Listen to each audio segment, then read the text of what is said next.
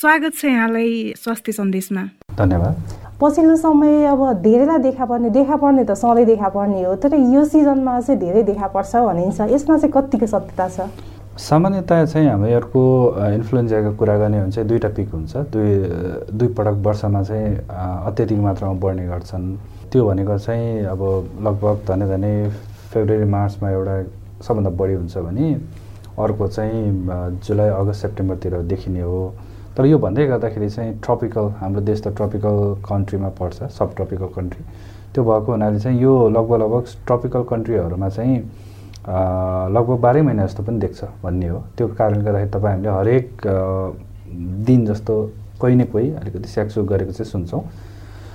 यो भन्दै गर्दाखेरि जाडो महिनामा विशेष गरेर धेरै मान्छेहरू चाहिँ अब घरभित्र रहने भएको हुनाले चाहिँ अब यो फैलिनु त फेरि जो जहाँ धेरै मान्छे छ त्यो ठाउँ फैलिनु भयो। त्यो कारणले गर्दाखेरि चाहिँ यो देखिने चाहिँ निरन्तर देखिरहेको छ र जाडो महिनाबाट जब यो चेन्ज गर्मी गर्मीतिर जान्छ भने भनेको मतलब चाहिँ अघि मैले भने जस्तै यो फेब्रुअरी मार्चतिर जब सुरु हुन्छ त्यो बेलामा चाहिँ यो एकपटक वात्तै बढ्छ र बढेपछि फेरि बिस्तारै कम भएर जान्छ र फेरि त्यो मनसुन सिजनको लगत्तै त्यो बिचतिर चाहिँ हाम्रो समस्याहरू देखिन्छ यसरी चाहिँ यो नेपालमा एक प्रकारको मौसमी रुगाखोकीको नामले पनि अब परिचित छ। त्यो भनेको चाहिँ एउटा निश्चित मौसममा चाहिँ यसको उपस्थिति चाहिँ बढी देखाउँछ भन्न खोजेको अहिले अब धेरैजनाले हामीले पनि कुराकानी गर्दाखेरि प्राय धेरैले भन्ने गर्नुहुन्छ कि मलाई त यस्तो रुगाखोकी लागिरहेको छ सिजनल फ्लू होला भन्ने पनि गरेको पाइन्छ क्या डाक्टर साहब। यो चाहिँ अब चिसोले नै लागेको भन्न मिल्छ कि यो सिजनमा अरू केही कारणले गर्दा पनि लागेको हुनसक्छ चिसोमा अब सामान्यत हुन त अब अघि भने जस्तै गर्मी महिना चेन्ज हुने बेला पनि हुन्छ भनेर भन्यो। यो खास भाइरसको आफ्नो त्यो समयमा एक प्रकारले आफूले आफूलाई एउटा सहज वातावरण सिर्जना भएर नै देखिने हो। म त्यसरी भन्छु। त्यो कारणले गर्दा नै मौसमी भने त्यो मौसममा यो भाइरसको लागि चाहिँ उपयुक्त समय हो भनेर बुझ्नुपर्ने मलाई लाग्दछ। त्यो अनुसार नै हामीले हेर्ने गर्छौँ। र जाडो महिनामा यसै पनि अब अलिकति चिसो होइन त्यसमा चाहिँ यो अलिकति सुक्खा मौसममा भाइरस अलिक बढी स्थिर हुन्छ भन्ने छ। त्यो भएको हुनाले पनि होला सायद निरन्तर रूपमा चाहिँ यो खालको रुगाखोकी जाडो महिनामा जुन बढी मात्रामा हामीले देखिरहेको कारण पनि त्यो होला जस्तो लाग्दछ मलाई।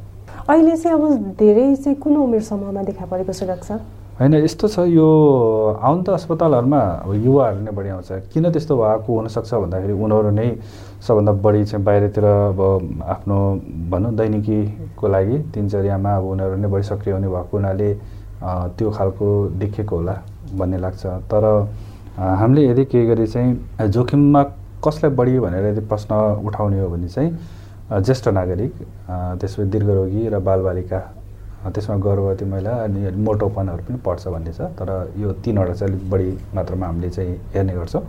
र त्यो भएको हुनाले चाहिँ अब युवाले सायद यही कारणले होला एक ठाउँबाट अर्को ठाउँमा सार्नमा त ठुलै मद्दत गर्छ। किनभने वृद्धहरू दीर्घरोगीहरू अथवा बालबालिकाहरू भन्दा त युवाहरू नै बढी विभिन्न ठाउँमा पुग्ने गरे हुन्छ। त्यसले गर्दा फैलाउनु त हुनेले गरे तापनि जोखिम चाहिँ अघि मैले भने जुन समूह छ उहाँहरूलाई नै बढी हुन्छ भनिन्छ।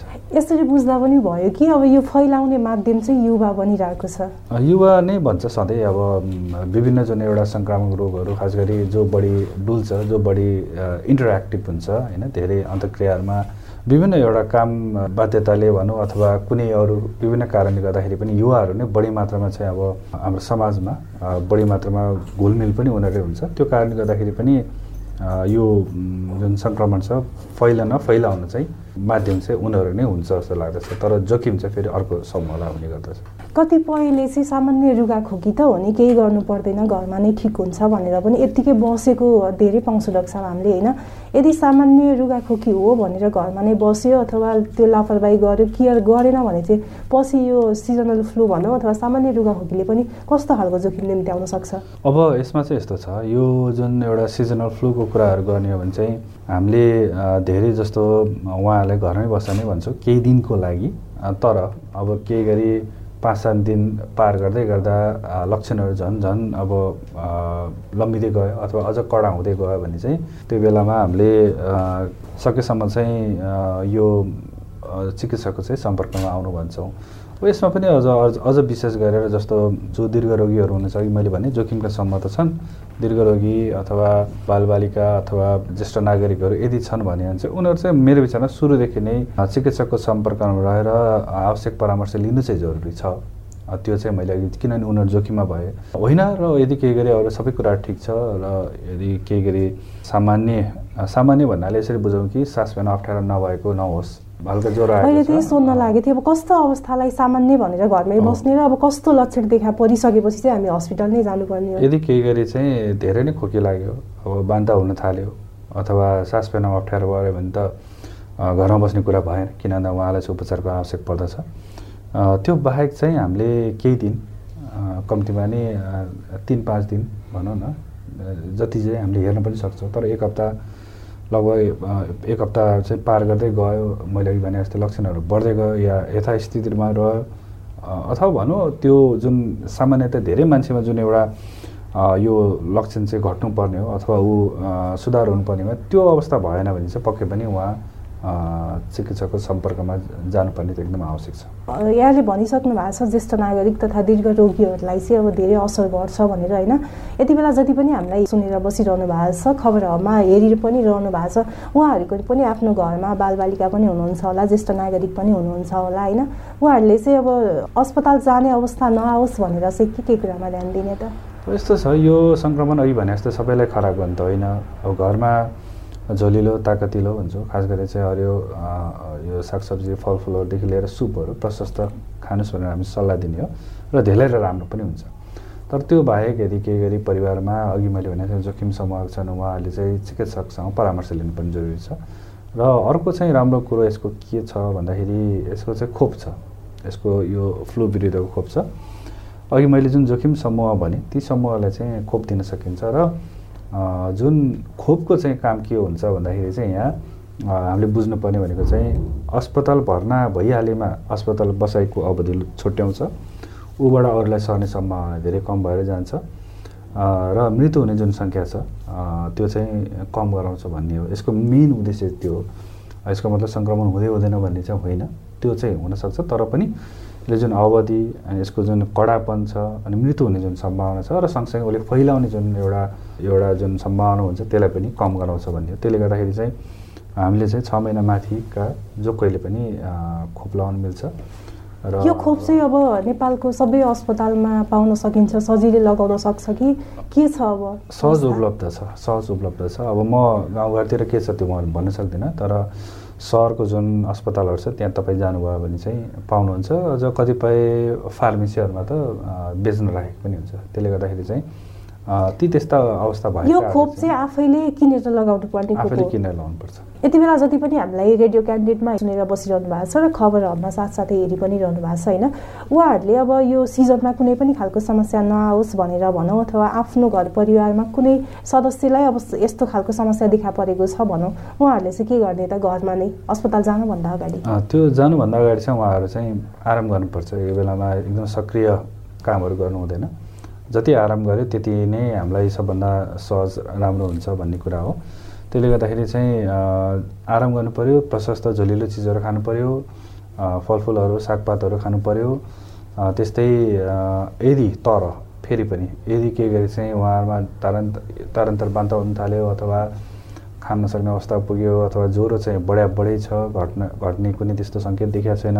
र महत्त्वपूर्ण कुरा भने श्वास प्रश्वासमा समस्या देखियो भने चाहिँ उहाँ तुरन्त अब अस्पताल गएर उपचार गराउनुपर्छ भन्ने चाहिँ म भन्दछु। कतिपय चाहिँ अब यो अहिले कोरोना सङ्क्रमण पनि बिस्तारै बढ्दो क्रममा छ डाक्टर साहब होइन। सामान्य रुगाखोकी भयो भने पनि अब लक्षण त लगभग लगभग मिल्दोजुल्दो नै हुन्छ। त्यसले गर्दा पनि अस्पताल जान डराउने अवस्था छ।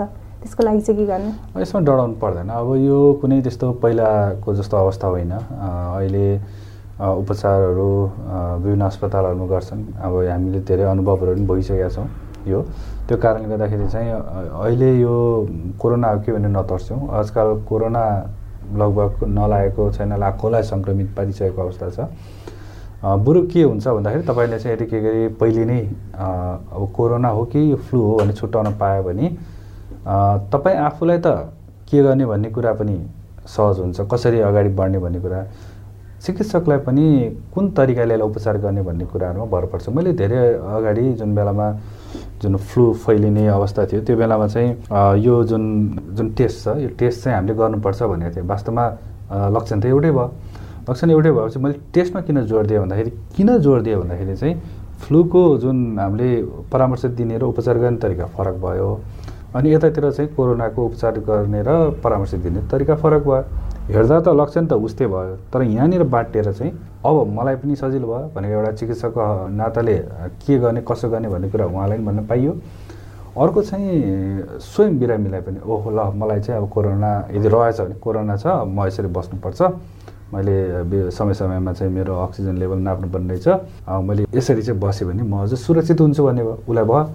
यदि फ्लू रहेछ भने फेरि हामीले त्यही अनुसार गर्छ। तपाईँ यति दिन यसरी बस्नुहोस् त्यो गर्नुहोस् यो गर्नुहोस् अथवा फ्लूको विरुद्धमा औषधि पनि छ। हामीले औषध ट्यामिभिर भन्छ त्यसलाई जसलाई धेरैले ट्यामी फ्लूको नामले पनि चिन्ने गर्छ।